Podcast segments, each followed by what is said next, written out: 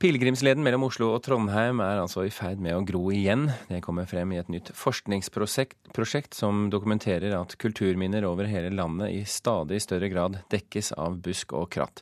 Det er urovekkende, mener Riksantikvaren. Rundt 600 pilegrimer går hele leden årlig. Roger Jensen er en av dem som har gått den mange ganger. 643 km. Det gir en, en refleksjon om hva man har i vente. 64 mil til fots. Ja, det er noe å se frem til. Med litt også frykt og beven. Vi er blant høyhus og trikk i Middelalderparken i Oslo. Her fra Mariakirken legger mange pilegrimer ut på turen til Nidaros. Også lenger ut på turen har det skjedd endringer i landskapet. Skog og kratt vokser til og skaper et annet landskap enn det pilegrimene vandret gjennom i middelalderen. Det kommer fram av forskningsprosjektet Kultur, som har sett på gjengroing av kulturminner over hele landet. Pilegrimsleden er, eh, er, en veldig viktig satsing for Riksantikvaren. Eh, så de, eh, de, opplysningene som har kommet fram gjennom kulturprosjektet om si, faren for utsiktene, utsiktene, til gjengroing langs i hvert fall deler av leden, det er, det er nyttig for oss og, og urovekkende. Det sier seksjonssjef i Riksantikvarens planavdeling Jostein Løvdahl. For det er jo sånn at, uh, at det å vandre på pilegrimsleden, det, altså verdien av det, uh, har uh, mye med landskapet omkring å gjøre. Så i den grad landskapet gror igjen, så kan det være en trussel for nettopp opplevelsesverdiene. Leder for pilegrimssenteret i Oslo, Roger Jensen, har gått mange skritt på Olavsveiene. Han syns det er viktig at landskapet ligner på det som pilegrimer har gått gjennom før han. Det å vite at her har det vandret andre før meg, de har vandret mot samme mål. Altså, det er nemlig altså, Hele dette, dette spennet med natur og historie ja, de er med på å skape identitet. Langs pilegrimsleden ligger det også flere kulturminner, som for pilegrimer er en del av opplevelsen å gå der. Det kan være bygninger, monumenter, jakt- og fiskesteder. Også her kan gjengroing endre opplevelsene. Det vi eh, eh frykter, er jo at, eh, at, det ikke skal bli så interessant og opplevelsesrikt. Eh, Eh, å vandre på pilegrimsleden. At man ikke får kontakten med kulturminner og naturverdier på samme måte som hittil. Det sa Jostein Løvdahl hos Riksantikvaren til reporter Ina Charlotte Fjellhøy. Anders Bryn, forsker ved Norsk institutt for skog og landskap. Hva slags kulturminner gror igjen langs denne leden? Ja, Det er mange forskjellige typer kulturminner. og I forbindelse med pilegrimsleden vil det f.eks. være det som kan være bønneplasser, hvilesteder, handelssteder og mer sånne ikke-fysiske steder som kan ha en betydning for de som går selve pilegrimsleden. Men, eh, men, selvfølgelig mange andre typer kulturminner også, sånn som jakt- og fangstanlegg. Spesielt i fjellregionen, eh, som nå er veldig utsatt for gjengroing. Altså området mellom kan du si, Dovre og Oppdal. Fjellovergangen der er jo i ferd med å gro, store områder i ferd med å gro igjen. Og Der ligger en god del fangstanlegg og jaktanlegg. Hvor fort går den gjengroingen? Det varierer veldig fra sted til sted. Noen steder er veldig vindutsatte, dårlig jordsmonn osv. Der går det sakte. Der kan det ta fryktelig lang tid før det gror igjen over hodet.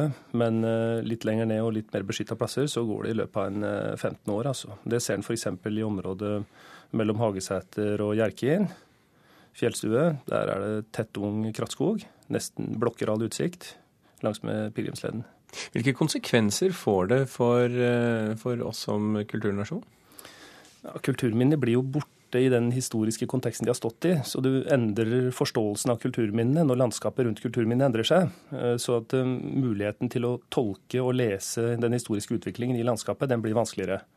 I tillegg så blir jo kulturminner selvfølgelig da fysisk borte. altså De er mye vanskeligere å finne inn i skogen. og Det blir jo en, både en fysisk og en kjemisk nedbrytning som øker når eh, røtter og det blir fuktigere rundt kulturminnene og sånn, begynner å jobbe med de ulike kulturminnene. Nå er det altså rundt 600 stykker som går denne eh, leden årlig, og tallet øker. Og det er nok enda flere som går deler av leden i tillegg. Ehm, Hvorfor eh, skal vi bruke masse energi på å holde den åpen? Det er jo tross alt ikke så mange som bruker den. Ja, Men det er nok en god del flere som bruker deler av leden, da. Så det er godt du var inne på det. For um, de 600 er nok den gjengen som går uh, hele, hele, turen. Oslo-Trondheim. Oslo-Trondheim, ja. Men eh, det er eh, ganske mange som går deler av turen. Dessuten så, så er pilegrimsleden et av Norges lengste og eldste kulturminner i seg selv. Og det er klart, Bare det at den gror igjen, og landskapet rundt gror igjen til sammen, vil være viktig. Men det er også andre miljø- eller andre verdiområder som blir påvirka, f.eks. rødlistearter knytta til åpne kulturlandskap. Når det gror igjen, så blir det dårligere muligheter for å produsere mat. Altså det blir dårligere beite for husdyr.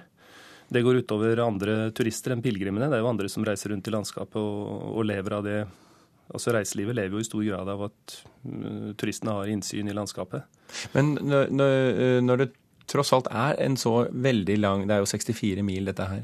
Og det er mye kratt å hugge hvis man skal holde den åpen sånn som situasjonen er nå. Er det, er det verdt penga? Ja, jeg tror det er verdt penga hvis du gjør de rette tiltakene. Uh, husdyr f.eks. i utmark kan jo gjøre en stor del av den jobben. Men du må, klart, du må kanskje konsentrere dem litt, og så må du jo kanskje, Vi må kanskje være litt flinkere i Norge til å prioritere arealer. I Norge så er vi veldig gode til å fordele penga jevnt utover, og det er veldig bra.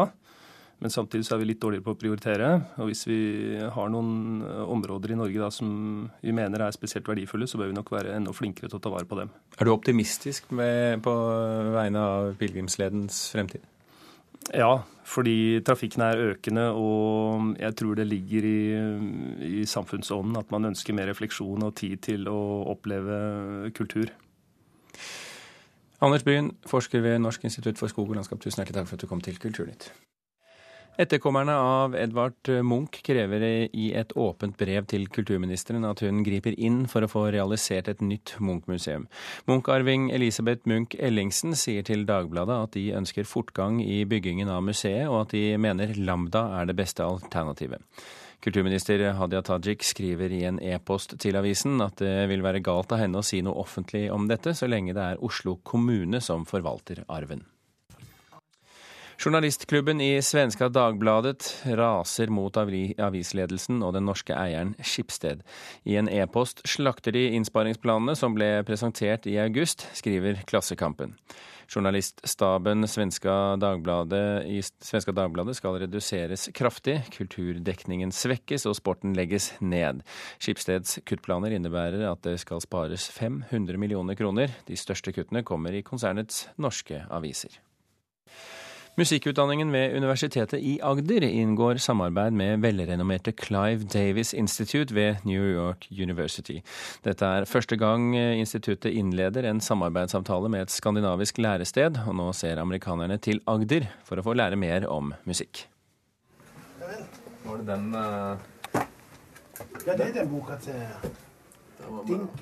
Professor Brus Rasmussen veileder en student på musikkutdanninga på Universitetet i Agder. Den er jo mye, mye kult. Eksempler. Mye bra eksempler. Om kort tid kan nemlig han få mulighet til å studere ved et av USAs ledende utdanningssteder innen rytmisk musikk, The Clive Davis Institute ved universitetet i New York. Oh, det er jo så positivt, vet du, for vi kommer plutselig i kontakt med en av skolene midt i musikkens eh, mekka, New York. Samarbeidet ble til via Kompetansesenteret for rytmisk musikk og Stein Bjella fra selskapet Great Moments i Stavanger.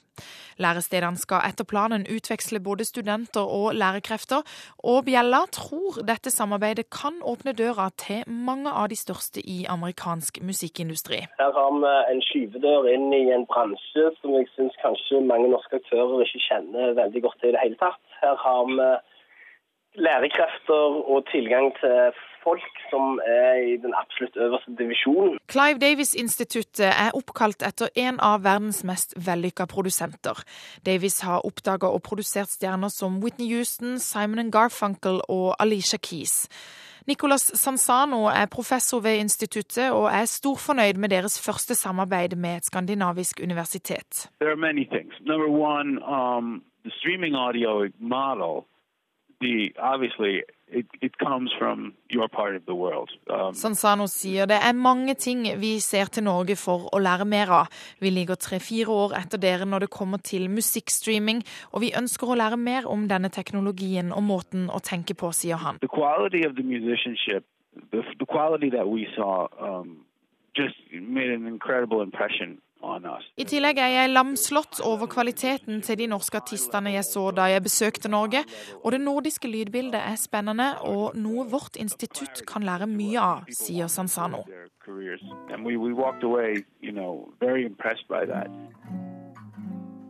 Tilbake til et av øvingsrommene ved Universitetet i Agder, der Marius Igland sitter konsentrert og spiller gitar. Han håper samarbeidet får positive ringvirkninger for studentene i Agder. Det gir jo eh, en mer internasjonal eh, plattform for, eh, for skolen å bygge på. Og rekrutteringen vil jo derved kanskje rette seg etter flere sjangre, og at det vil bli mer At skolen vil ha større mulighet til at studentene kan gå til utlandet etter hvert. da. Mary MacDonald var eh, reporter her.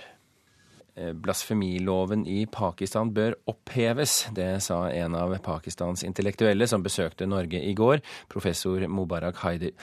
Det er svært få pakistanere som våger å kritisere blasfemiloven offentlig, slik han gjorde i går.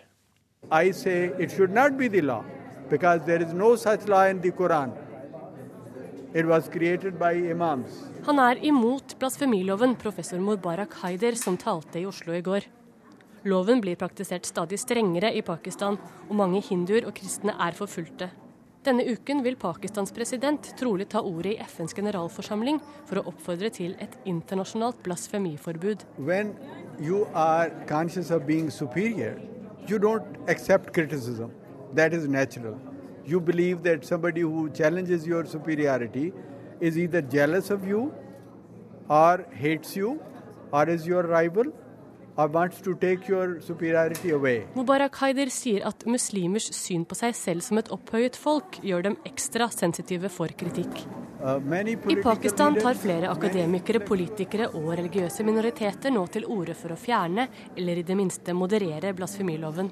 They have been disputing it. They have been disagreeing with this, this uh, law and they demanded that it should at least be Uh, Men debatten preges av frykt. Enten så er man for eller så er man imot, og de som er imot er veldig veldig forsiktige med hvordan de uttaler seg. Det sier Tina Shagufta Kornmo, som er leder for organisasjonen Likestilling, integrering og mangfold, som står bak arrangementet. Eh, og det er det største problemet, kanskje. At det er, veldig, det er, veldig, mange som ikke tør å si at de er imot. Fordi det er så mange følelser forbundet med dette her. Du har en mobb som plutselig kan dukke opp og, og enten uh, lemleste deg eller til og med ta livet av deg. Og det har vi sett mange eksempler på. Så denne frykten, det er det som preger uh, debatten. Flere av norskpakistanerne på møtet bekrefter at dette er et følsomt tema i Pakistan. For meg det er en urettferdig lov. Men kunne du sagt dette her i Pakistan? Nei. Jeg vil ikke overleve. Jeg vil ikke overleve. Vi er jo selvfølgelig veldig imot det. Vi er jo for religionsfrihet, og så ser vi jo det blir misbrukt i Pakistan. Man bruker det som en sånn verktøy for å ta folk, da. Kunne dere sagt det om jeg kom fra pakistansk radio? Så lenge vi er i trygghet i Norge, så. NRK lykkes ikke med å få pakistanske myndigheter i tale i denne saken. Reporter her, det var Ina Strøm. Så tar vi med at aktor i saken mot en 14 år gammel pakistansk jente som er anklaget for blasfemi, hevder at hun er rømt til Norge. Han krever derfor den utviklingshemmede jenta utlevert. Den kristne jentas advokat sier hun fortsatt befinner seg i Pakistan, men vil ikke si hvor av hensyn til sikkerheten. UD sier til NTB at de ikke vet om jenta har kommet til Norge eller ikke. At språket vårt endrer seg hurtig, er en eh, misforståelse. Den grammatiske utviklingen i talemålet fra 1800-tallet frem til i dag er historisk sett svært liten. De store og hurtige språkforandringene skjedde i middelalderen etter svartedauden, hevder professor i nordisk ved Universitetet i Bergen, Helge Sandøy.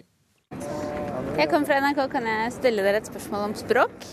Om språk? Ja, ja det går hvor bra som helst. Jeg er svensk. Ja, så bra. Yes.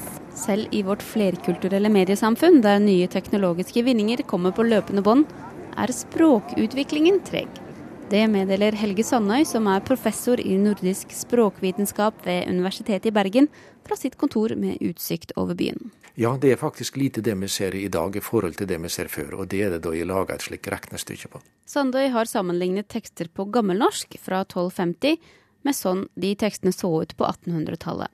Hyppigheten i regelendringer i språket på de 500 årene er mange ganger flere enn endringer som forekommer i tekster fra 1800-tallet og til vår tid. Så det har vært på, på stedet hvil, som det heter i militæret. Eh, nesten slik fra 1800 opp til nå. Nede i byen treffer jeg vennene Simon Liljegren fra Sverige, Lenny Sierra fra Colombia og Olavur Bjørk Gudmundsson fra Island. De har akkurat kommet til Norge. Hva må dere gjøre for å forstå hverandre når dere kommer fra tre forskjellige land? Jeg tror man forkorter det. Så man prøver å ikke si så mange ord, men å si veldig enkelt hva du mener. Og det var forenkling og forkorting som skjedde særlig etter svartedauden, da folk flyttet mot byer og kysten fordi det var bedre vilkår for jordbruk og fiske. Så det er altså det som er grammatisk innvikla, det blir forenkla når får ei slik smeltegryte, som vi ofte kaller det, av ulike typer dialekter eller ulike typer språk. I dag flytter vi ikke på oss i like stor grad, men vi har TV og vi har radio, og det har vi hatt en god stund. Norsk språk hører til dem som har tatt opp rikelige mengder av låneord til alle tider. Det fortalte kan filol Finn Hødnebø i radioens språkprogram Ordet i 1967. Vi er blitt velsignet med ord som team, sightseeing, show, match, guide, purser, camping, cruise osv. i det uendelige. Selv om ordforrådet øker med massemedia, uteblir samhandlingen mellom mennesker, som er selve drivkraften i språkutviklingen. Men hva med sosiale medier, Facebook, chatting og internett? Jeg tror det er for tidlig å si. Agnete Nesse er postdoktor ved Institutt for lingvistiske, litterære og estetiske studier ved Universitetet i Bergen altså hvis jeg tenker de forskjellige sosiale mediene som en slags mellomting mellom skriftlighet og muntlighet, så at det utvikler seg egne måter å kommunisere på som er spesielt for de. Men det er ikke gitt at det sprer seg til annen skrift og annen tale. Reporter her, det var Helena Rønning. Og så tar vi med på slutten at Iran trekker sitt Oscar-bidrag i kategorien beste fremmedspråklige film i år. Det skjer i protest mot filmen 'Innocence of Muslims', som har skapt opptøyer i store deler av den muslimske verden. Vi oppfordrer alle andre eh, islamske nasjoner om å protestere på samme måte, sier den iranske kulturministeren Mohammed Hosseini til nyhetsbyrået Isna. Den iranske filmen 'Nader og Simin', et brudd, vant Oscar for beste utenlandske film tidligere i år.